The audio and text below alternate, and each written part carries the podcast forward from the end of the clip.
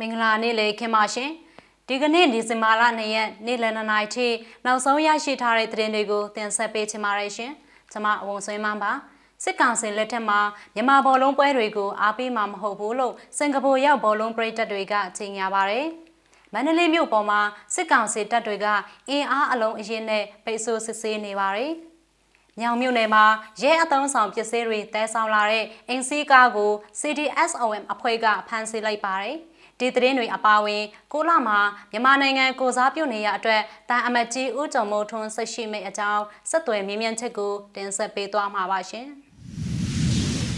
ပထမဆုံးတင်ဆက်ပေးခြင်းတဲ့သတင်းကတော့အာနာသိန်းထားတဲ့စစ်ကောင်စီလက်ထက်စင်ကာပူနိုင်ငံမှာလာရောက်ကစားမဲ့မြန်မာဘောလုံးအသင်းကိုအားပေးမှာမဟုတ်ကြောင်းစင်ကာပူရောက်ဘောလုံးချစ်သူပရိသတ်တွေကကြေညာချက်ထုတ်ပြန်လိုက်ပါတယ်။ မြန်မာဘောလုံး12ရောက်မြောက်ကစားသမားများအဖွဲ့အဖြစ်စင်ကာပူရောက်ဘောလုံးပရိသတ်တွေဖွဲ့စည်းထားတဲ့မြန်မာ Football Tour Player အဖွဲ့စာမျက်နှာကမနေ့ကဒီဇင်ဘာ၁ရက်နေ့မှာကြေညာချက်ထုတ်ပြန်လိုက်တာဖြစ်ပါတယ်။အာဆီယံဘောလုံးအဖွဲ့ချုပ်ကစီစဉ်ကျင်းပတဲ့အာဆီယံဆိုဆိုကေးဖလားပြိုင်ပွဲကိုစင်ကာပူနိုင်ငံကအင်ရှင်အဖြစ်လက်ခံကျင်းပနေတာဖြစ်ပြီးမြန်မာအသင်းဟာလာမယ့်ဒီဇင်ဘာ9ရက်နေ့မှာအင်ရှင်စင်ကာပူအတင်းနဲ့စတင်ကစားရမှာဖြစ်ပါတယ်။ စင်ကာပူမှာကံမဲ့မြန်မာဘောလုံးတွေကိုကျွန်တော်တို့လုံးဝအားပေးမှာမဟုတ်ပါ။ကွင်းသို့သွားရောက်ပြီးဆန္ဒပြခြင်းလည်းပြုလုပ်မှာမဟုတ်ပါဘူးလို့မြန်မာ Football 12 Players အဖွဲ့ရဲ့ထုတ်ပြန်ချက်မှာရေးသားထားပါတယ်။ MF12 Group စင်ကာပူဟာမြန်မာဘောလုံးအသင်းတွေကိုအစွမ်းကုန်အားပေးခဲ့ပေမဲ့လည်းလက်ရှိဖြစ်ပေါ်နေတဲ့မြန်မာနိုင်ငံရဲ့စစ်အာဏာသိမ်းမှုကိုလက်မခံနိုင်တဲ့အတွက်စစ်ကောင်စီလက်ထက်မှာမြန်မာအသင်းဝင်ရောက်ရှင်ပြိုင်မှုကိုပြင်းပြင်းထန်ထန်တပိတ်မောက်ခြင်းဖြစ်ကြောင်းကြေညာထားပါတယ်။ စင်ကာပူနိုင်ငံမှာလက်ရှိတင်းကျပ်ထားတဲ့ဥပဒေတွေကြောင့်ဘောလုံးကွင်းထဲကိုတွားရောက်ပြီးဆန္ဒပြမှုတွေပြုလုပ်မှာမဟုတ်သလိုဘောလုံးချစ်သူပရိသတ်တွေအနေနဲ့လည်းကွင်းထဲကိုတွားရောက်ဆန္ဒပြခြင်းတွေမလုပ်ကြဘူးမြန်မာ Football 12 Players အဖွဲ့ကတိုက်တွန်းထားပါတယ်ရှင်။မန္တလေးမြို့ကတည်တဲ့ဆက်ချင်ပါတယ်။မန္တလေးမြို့က PTF အဖွဲ့တစ်ခုကိုစစ်ကောင်စီကဖမ်းမိခဲ့ပြီးနောက် ဒီနေ့မနေ့ပိုင်းကစပြီးလမ်းတိုင်းမှာအင်အားအလုံးအရင်နဲ့ပိတ်ဆို့စစ်ဆေးမှုတွေပြုလုပ်နေကြောင်းသိရပါတယ်။မန္တလေးမြို့မှာရှိတဲ့အထက်ကလမ်းမကြီးတွေတာမကလမ်းသွယ်တွေအထိအင်အားအလုံးအရင်နဲ့ပိတ်ဆို့စစ်ဆေးမှုတွေပြုလုပ်နေတာဖြစ်ပါတယ်။ပုံမှန်ထက်နေရာတွေပိုတိုးစစ်လာတယ်။တမျိုးလုံးနေပါကိုတနေရာအင်အား20လောက်နဲ့စစ်နေတာဗျာလို့မန္တလေးမြို့ခံတအုပ်ကဆိုပါတယ်။ နာမေကျော်မန္တလေးဈေးချူတော်အနေ84လမ်းပေါ်မှာလဲယောက်ျားလေး2ဦးစီးတယ်ဆိုပြီးဖမ်းဆီးထားတဲ့စိုက်ကဲအရေးအတွက်30ဝန်းကျင်အထိရှိနေပြီဖြစ်ကြောင်းသိရပါဗျ။ပြည်ခဲ့တဲ့နိုဝင်ဘာလ30ရက်နေ့ကမန္တလေးမြို့တော်စေပင်သားယာရေးကော်မတီရုံးတော်82လမ်းနဲ့28လမ်းတောင်ရှိအရက်ဘားတစ်ခုမှာဘူစည်းပတ်အိုးဆောင်တဲ့ပြည်သူ့ကာကွယ်တပ်ဖွဲ့ဝင်33ဦးဖမ်းဆီးခံရပြီးတဲ့နောက်မှာအခုလိုစစ်ဆေးမှုတွေတင်ကျပ်နေတာဖြစ်ပါတယ်။ အဆိုပါပြည်သူ့ကာကွယ်တပ်ဖွဲ့ဝင်လူငယ်တွေကိုခေါင်းမှာအိတ်အမဲရီစွပ်ပြီးတော့ရိုက်နှက်ခါဆောင်သွားတာဖြစ်တယ်လို့မျက်မြင်တွေ့ရှိသူတွေကဆိုပါရရှင်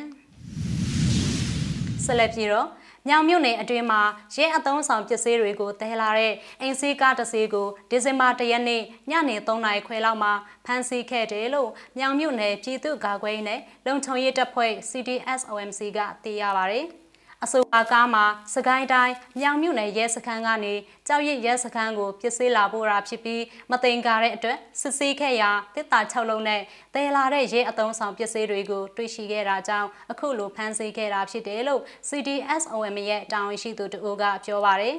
ပြည်သူကအသွင်နဲ့လာတာပါကျွန်တော်တို့ကဒေသရင်းသွားလာရေးအတွက်ကျူတင်အကြောင်းကြားဖို့နှိုးဆော်ထားပါတယ်။ သတင်းပေးတာလည်းမရှိထိုးစားနဲ့ကားဖြစ်လို့ဖမ်းဆီးလိုက်တာပါလို့မြောင်မြို့နယ်ပြည်သူ့ကာကွယ်ရေးနဲ့လုံခြုံရေးအဖွဲ့ CDSOM အဖွဲ့ကပြောပါရယ်ပစ္စည်းတွေတည်ယူလာတဲ့ကားသမားကိုစစ်ဆေးရမှာလဲစစ်ကောင်စီအဖွဲ့ဝင်တွေအနေနဲ့သူ့ရဲ့အသက်အန္တရာယ်ကိုချိန်ချောက်ပြီးအတင်းအကျပ်ပို့ခိုင်းတာကြောင့်အခုလိုပို့ပေးရတာဖြစ်တယ်ဆိုပြီးထွက်ဆိုခဲ့လို့ CDSOM ရဲ့တာဝန်ရှိသူကဆက်ပြောပါရယ် ဒီကားကို CDSOM အဖွဲ့ကဘူစင်ရိုင်းမင်းရခနဲ့ဘူနတ်မြင့်တို့အဖွဲ့ကအိုးဆောင်ဖန်ဆီးခဲ့တာဖြစ်ပြီးကားမောင်းသူကိုတော့ပြည်သူဖက်ကစစ်မှန်ကြောင်းယုံကြည်ရတဲ့အတွက်ပြန်လည်လွှတ်ပေးခဲ့ကတဲလာတဲ့ပစ္စည်းတွေကိုတော့သိမ်းဆည်းထားတယ်လို့ CDSOMC ကသိရပါတယ်ရှင်။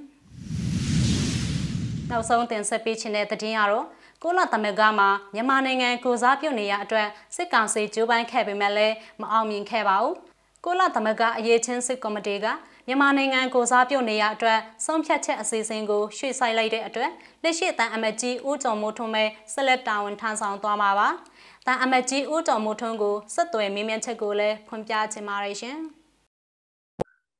ဟုတ်ကဲ့တမကြီးကိုကြော်မို့ထုံးမင်္ဂလာပါရှင်ဟုတ်ကဲ့အာမင်္ဂလာပါခင်ဗျဟုတ်ကဲ့ဆိုတော့မနေ့ကဒီကုလသမဂ္ဂမှာဒီမြန်မာနိုင်ငံကိုစားပြု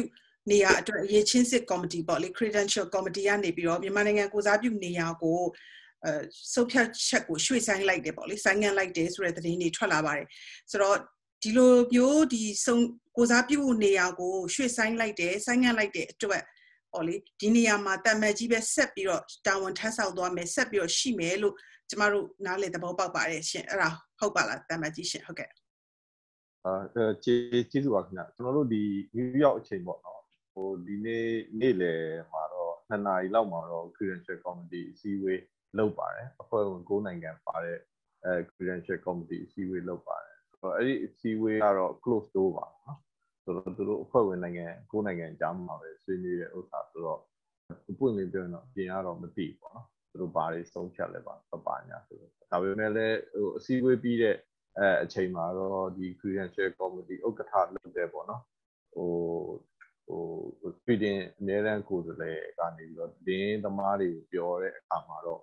အဲခုနဒီ decision ကို defer လုပ်တယ်ဆိုတဲ့ဥစ္စာမျိုးသူတို့ဟိုဟိုအင်းချင်းကြားမှာသဘောတူထားတယ်ဒါပေမဲ့လည်းသူကတိထက်ပို့ပြီးတော့သူပြောလို့မရဘူးဟိုအစီရင်ခံစာဟိုသူတို့မျက်နှာစုံကြီး credential committee ရဲ့အစီရင်ခံစာကိုမျက်နှာစုံကြီးစီးဝေးကိုသူတို့အဲလာမယ့်ရက်ပိုင်းအတွင်းမှာတင်ပို့ရှိတယ်ပေါ့နော်အဲ့ဒီတော့မှပဲအဲ့မှာပေါ်ပြတဲ့အချက်တွေကိုတွေးပါမယ်ဆိုတဲ့ဥစ္စာလေး အဲသူပြောသွားတာတော့ရှိပါတယ်ပေါ့နော်ခုနဟိုဆီယမမေးတဲ့ဟိုစာပေါ့နော်နားလည်ထားတဲ့ဥစ္စာကတော့နားလည်ထားတဲ့ဥစ္စာမှန်တယ်လို့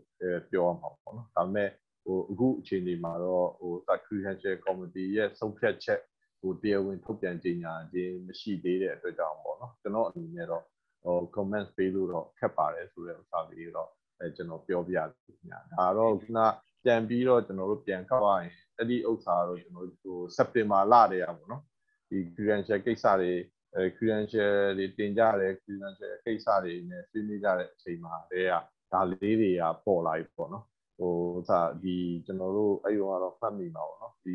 diplomat magazine ကနေပြီးတော့ပြောတဲ့ဥစ္စာလေးတွေလည်းရှိတယ်ပေါ့နော်ဒါကြောင့်ကျွန်တော်လည်းတချို့ဥစ္စာတွေမှာကျွန်တော်နားလည်ထားတဲ့ဥစ္စာနဲ့တူတယ်ဆိုတဲ့ဥစ္စာလေးတွေလည်း ပြန်ပြောတဲ့ဥစ္စာမျိုးတွေလည်းရှိခဲ့ပူပါတယ်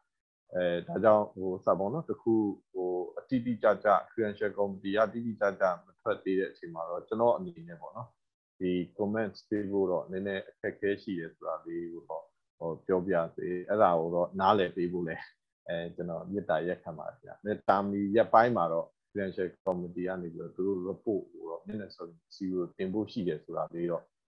ခုန Sweden တန်မကြီးပြောရတဲ့အချိန်မှာလည်းပါတယ်ဆိုတော့အဲ့ဒါလေးတော့ကျွန်တော်တို့စောင့်ကြည့်ဖို့တော့လုပ်မယ်လို့တော့ပြောလို့ရပါတယ်ဟုတ်ကဲ့ဆိုတော့ခု credential committee ကဒီဆုံးဖြတ်ချက်ကိုတမန်ကြီးပြောပြသွားသလိုပေါ့နော်အာသူတို့ဒီမျက်နှာစုံကြီးအစည်းအဝေးနဲ့ဒီတရားဝင်စာထွက်လာပြီးပြီဆိုရင်ဒါကိုအတီးပြုဖို့အတွက်ဘလို့အဆင့်တွေကုလသမဂ္ဂမှာဆက်ပြီးတော့ရှိအောင်မလဲရှင်ဟုတ်ကဲ့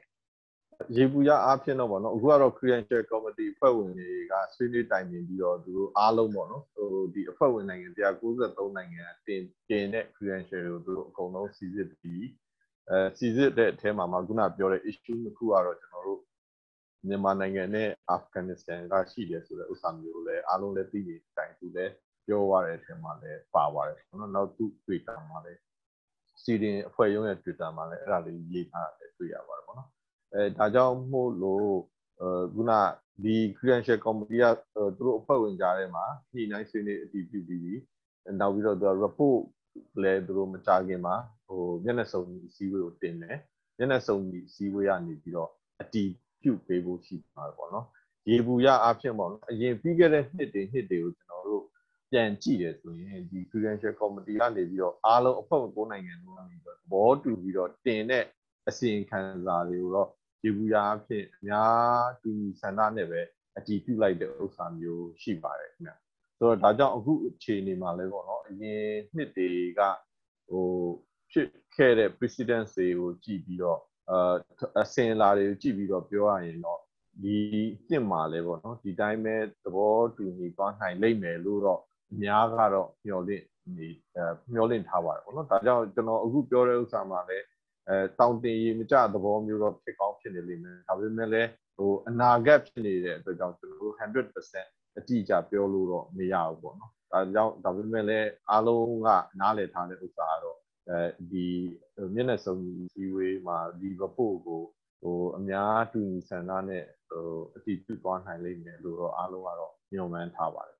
အင်တာဗျူးအပြည့်အစုံကိုတော့မြစမ TV နဲ့မြစမ News Environment Facebook မြစမ TV YouTube Channel မြစမ Application တို့မှာကြည့်ရှုနိုင်မှာဖြစ်ပါတယ်ရှင်။